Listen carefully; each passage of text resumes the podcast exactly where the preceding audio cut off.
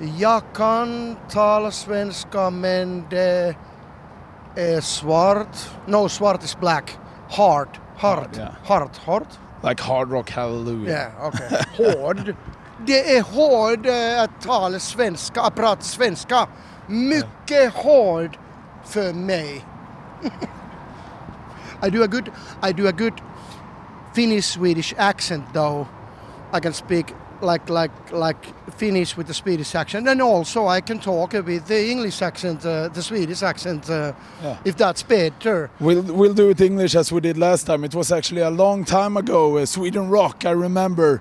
Uh, you didn't fit in the lounge where we were supposed to do the interview, so you sat at the table, and it was a beautiful day. I think it was like 2013 or something. I was a small guy by then. Mycket vackra dag, dagen, daget, dag. So how are you? We're right here now at Avicii Arena. You're just uh, done the show. I'm good.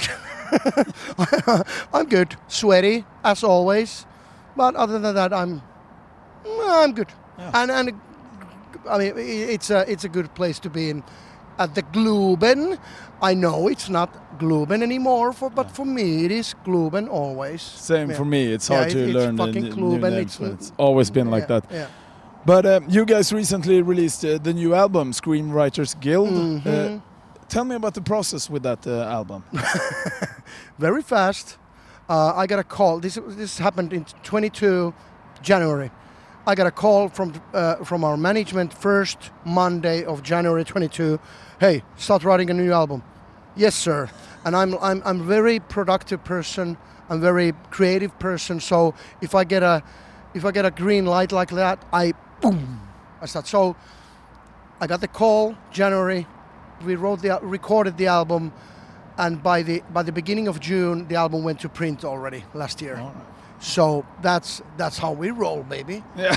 Yeah, we're fast. I mean, because I mean, it, it, it, it, so the process was fast and very fucking natural and easy. I mean, it's, it's never hard for us. I mean, because I write so much stuff all the time, and I have to like restrain myself usually not to come up with new stuff because I'm I'm creating the whole time something is cooking in my head. But but but um, when you when you tell me go, I will fucking go. Do you take the time to actually chill out and not Never. be creative? Never? Nope. No? Never. I I don't know how to. I mean, even now now we had two off days, and I fucked up my sleep rhythm like completely. And I know it sounds crazy, but but for me, natural sleep rhythm is like I go to sleep around three or three or four a.m. I wake up at eleven. But now, since I was bored. Uh, I ate too much and I fell asleep before midnight, so I woke up at fucking five in the morning. Oh. So yeah. So I, I don't know how to take it easy or I don't know how to just chill. I don't know. I, I really I consider myself a lazy lazy person, but I know I'm not. Oh. But I, I, I, I like to think of myself as a very lazy person. But now tons of people have told me that I'm actually a workaholic and I'm gonna kill myself with work. Oh. Probably. It's important to get some well-deserved rest as well. Yeah. yeah. It's later. It's always later. Yeah. Yeah. But this is the first album with the new guitarist, Kone. Uh, Yeah. me, uh, what did uh, Kone bring to the to the group? Farts. no, I'm not kidding. When when we first met the fucking guy and he came to my house and we started recording, because it, that, that was his first task when he joined. so within like few weeks he already came over and we were you know in the process of recording. Uh, uh, he was farting like a fucking machine the whole time, and I said, dude. That's fun. I like that people are very open, but but I Comfortable. you know, just just maybe tone it down a little bit. But no, I, am not kidding. Thi- This really happened. Now he doesn't fart that much anymore, thank God. but uh, he's a young guy and uh, very fucking professional.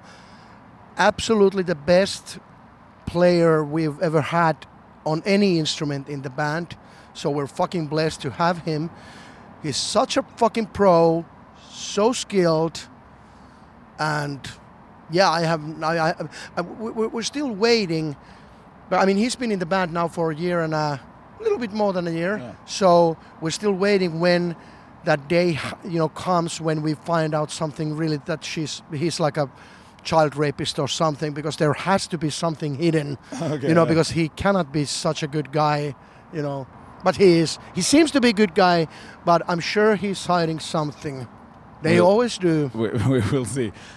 Uh, what I do remember from, I think it was 2021, I saw a picture of you which was hilarious.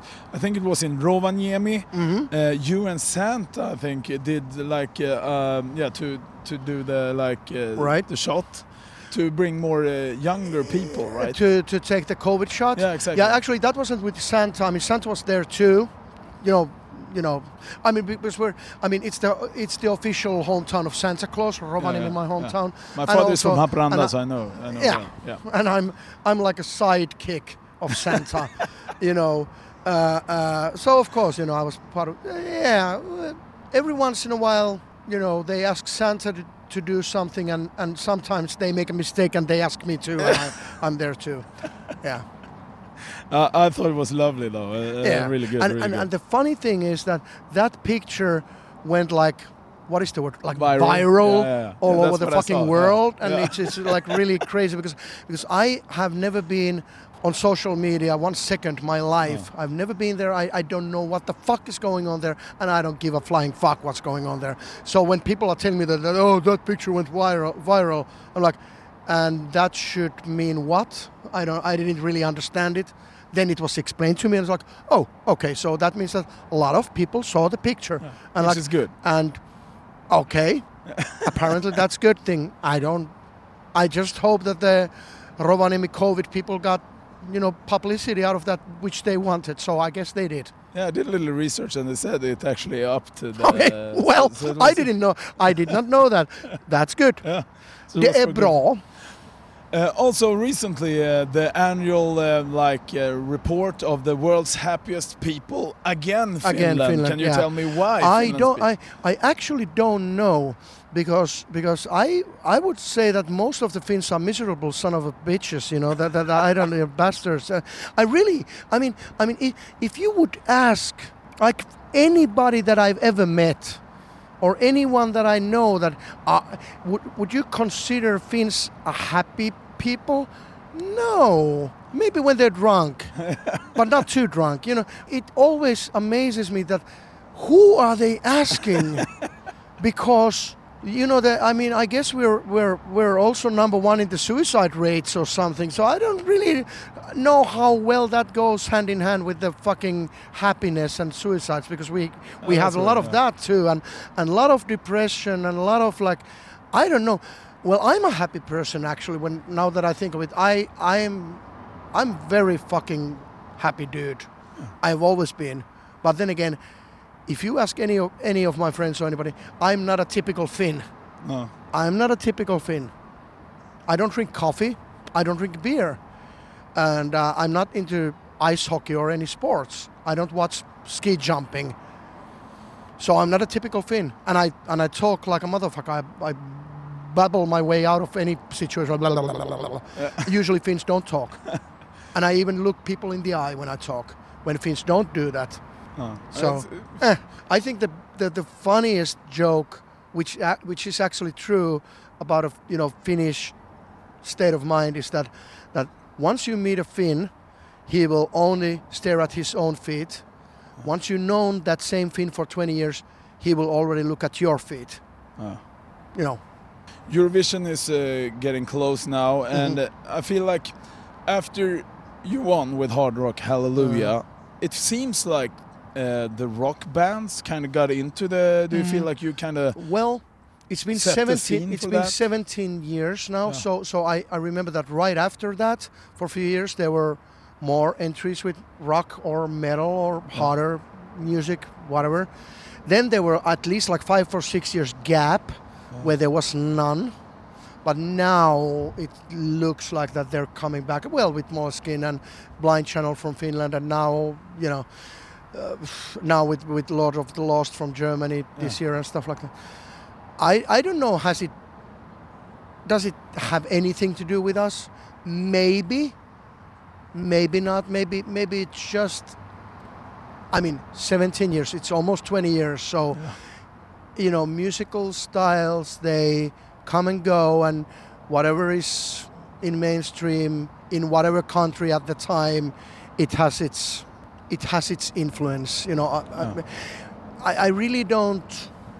I really don't think that these kind of things are something that you can predict or you can really analyze because because in the end it is it is the people in every country that are voting for their contestant to go to Eurovision every year and whatever ticks their bone each year goes and it just I, I think it's just a coincidence you know because I mean remember that I think two or three years before we went to Eurovision Nightwish was in the Finnish competition true, yeah. but they didn't make it Oh. so I don't think it's I don't know I don't know either, but I feel Yeah. like you can take some credit for it. I feel like Måneskin and stuff like that, you kind of open the door for. I would rather they take money than credit Yeah,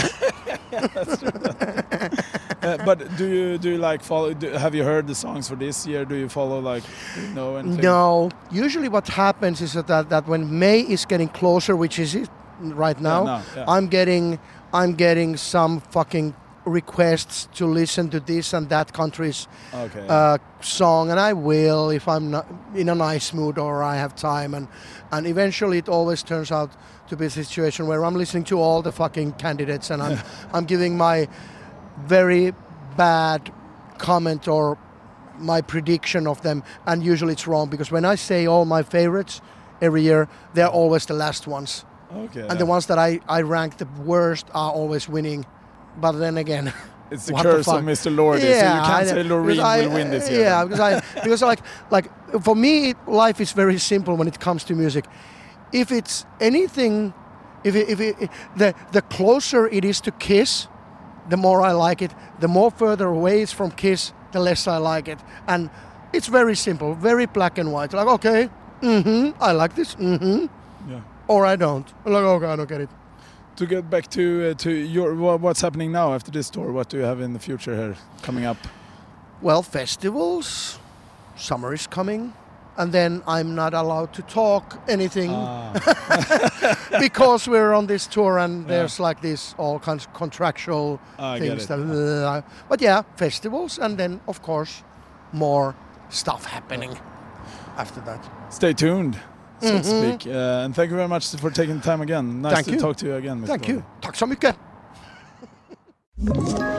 Ett poddtips från Podplay. I fallen jag aldrig glömmer djupdyker Hasse Aro i arbetet bakom några av Sveriges mest uppseendeväckande brottsutredningar. Går vi in med hemlig telefonavlyssning och, och då upplever vi att vi får en total förändring av hans beteende. Vad är det som händer nu? Vem är det som läcker? Och så säger han att jag är kriminell, jag har varit kriminell i hela mitt liv men att mörda ett barn, där går min gräns. Nya säsongen av Fallen jag aldrig glömmer på Podplay.